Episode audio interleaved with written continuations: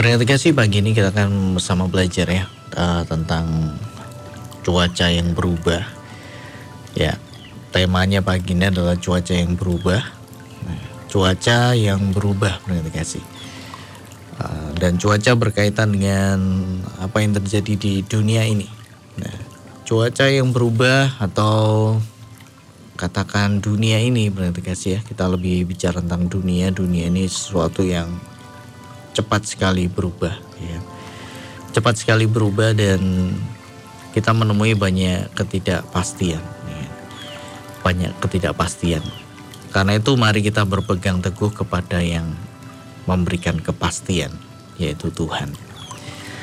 Nah berarti kasih. Jadi ada banyak ketidakpastian uh, dengan kemajuan yang terjadi hari-hari ini. Berintegrasi uh, perubahan terjadi begitu cepat ya apalagi dengan teknologi yang semakin canggih.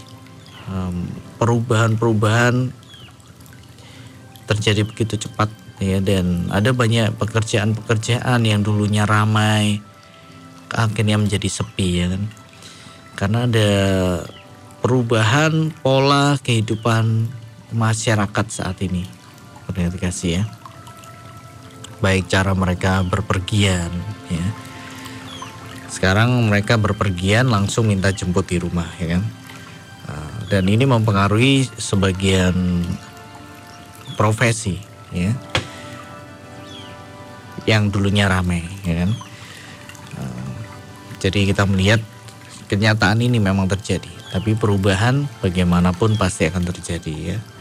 Gaya hidup orang um, berbelanja uh, tinggal pesan saja sudah sampai di rumah. Kan?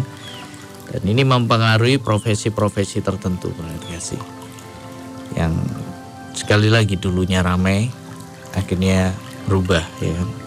Nah, mau tidak mau perubahan itu pasti terjadi. Dunia ini berubah begitu cepat nih ya kasih nah bukan hanya teknologi tetapi juga apa yang kita hadapi dalam hidup ini uh, bisa berubah ya bisa berubah dengan drastis ya kan?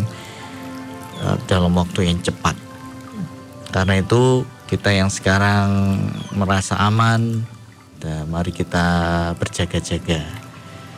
Kita yang hari ini merasa sedang berjuang jangan juga berputus asa.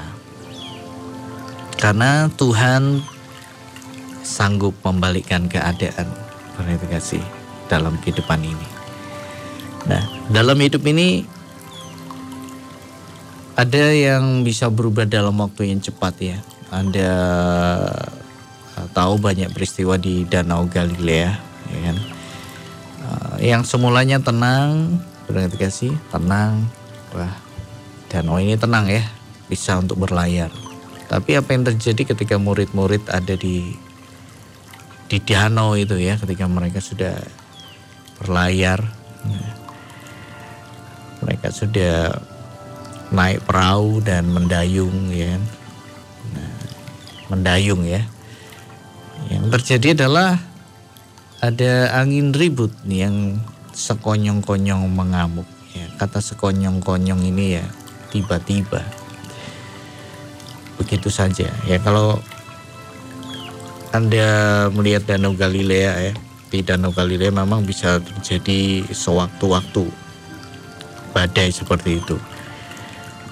Nah, kata sekonyong-konyong berarti tiba-tiba itu bisa terjadi satu perubahan. Tiba-tiba mengamuk angin ribut di danau itu. Ya. Kalau anginnya ribut, angin ini membuat ribut air juga. Ya yang ribut angin, tapi angin mempengaruhi air sehingga menjadi gelombang. Dan perahu itu akhirnya ditimbus gelombang, tetapi Yesus tidur. Kita melihat bahwa danau yang tadinya tenang bisa tiba-tiba berubah berarti menjadi sangat mengerikan. Begitulah dunia. Uh, apa yang kita hadapi hari-hari ini berarti kasih ya uh, ada zona saya mengingatkan ada zona iman, ada zona aman. Hidup kita kasih merupakan perpaduan dari keduanya. Ya. Ada zona aman, ada zona iman.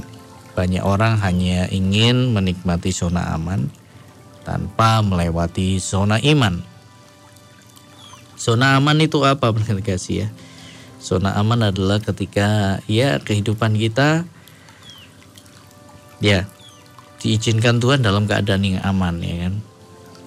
Aman artinya semua terkendali. Nah, jemaat pada waktu jemaat mula-mula dalam kisah para rasul ya diceritakan bagaimana mereka mengalami penganiayaan yang luar biasa pada awal-awal. Dan salah satu tokoh yang menganiaya jemaat adalah Saulus. Kasih ya.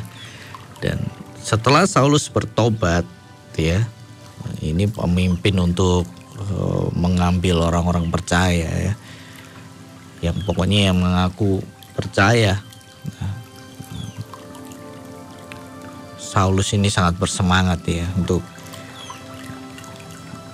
untuk mengambil mereka. Ya. Kan? Nah, tetapi setelah Saulus bertobat, satu hal yang luar biasa terjadi, perhatikan kasih dalam kisah para rasul 9 ayat 31 di situ dituliskan selama beberapa waktu jemaat di seluruh Yudea, Galilea dan Samaria berada dalam keadaan damai. Nah, selama beberapa waktu jemaat di seluruh Yudea, Galilea dan Samaria berada dalam keadaan damai. Setelah sebelumnya terjadi penganiayaan, zona iman. Itu berbicara tentang zona iman di mana ya kita diperhadapkan pada satu tantangan yang luar biasa. Ya, mau mempertahankan iman atau tidak. Nah, kemudian setelah Saulus bertobat, jemaat ini diizinkan masuk ke dalam zona yang aman. Di mana mereka diizinkan berada dalam keadaan yang tentram maksudnya.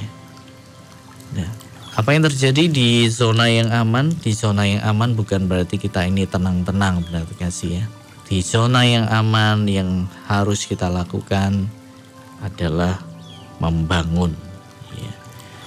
Membangun diri ya, membangun kehidupan, membangun iman, membangun apa yang bisa kita kuatkan dalam kehidupan ini. Ya.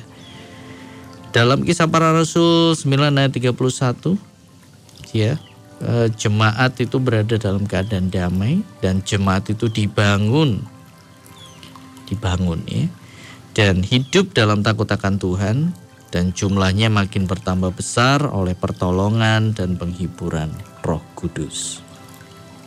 Di sini ada suatu yang terjadi di zona yang aman ini. Jemaat dibangun. Jadi kalau Anda hari-hari ini merasa bahwa Anda berada dalam keadaan yang tentram, ini waktunya untuk membangun diri, membangun. Kenapa harus membangun? Membangun diri, membangun iman terus. Ya. Supaya kalau terjadi sesuatu dan tiba-tiba dari zona aman kita beralih masuk ke zona iman, kita tidak kaget dan kita siap. Dan di zona aman itu terjadi pertumbuhan jumlah jemaat. Ya. Jumlahnya makin bertambah besar oleh pertolongan dan penghiburan Roh Kudus. Jadi dalam keadaan tentram mereka bukan hanya dibangun tapi juga bertumbuh. Perhatikan kasih. Dan setelah itu ya setelah melewati masa-masa itu ada masa-masa di mana mereka menghadapi ya zona iman lagi.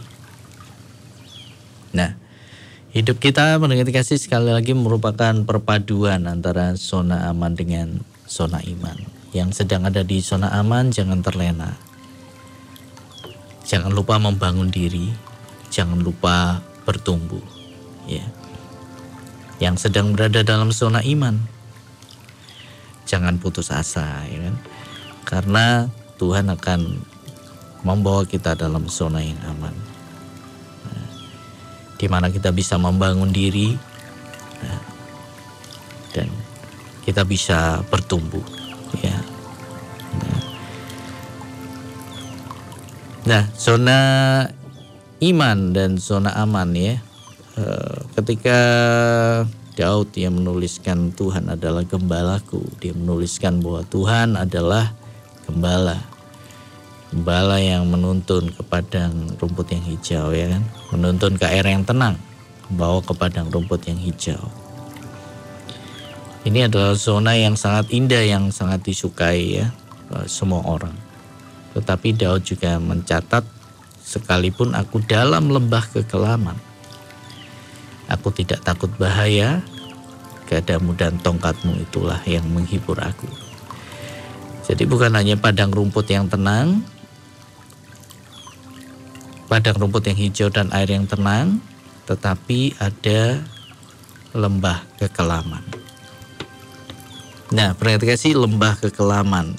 Ada yang menyebutnya lembah bayang-bayang maut atau lembah air mata ya kan lembah air mata kasih nah, di di situ anda banyak menangis.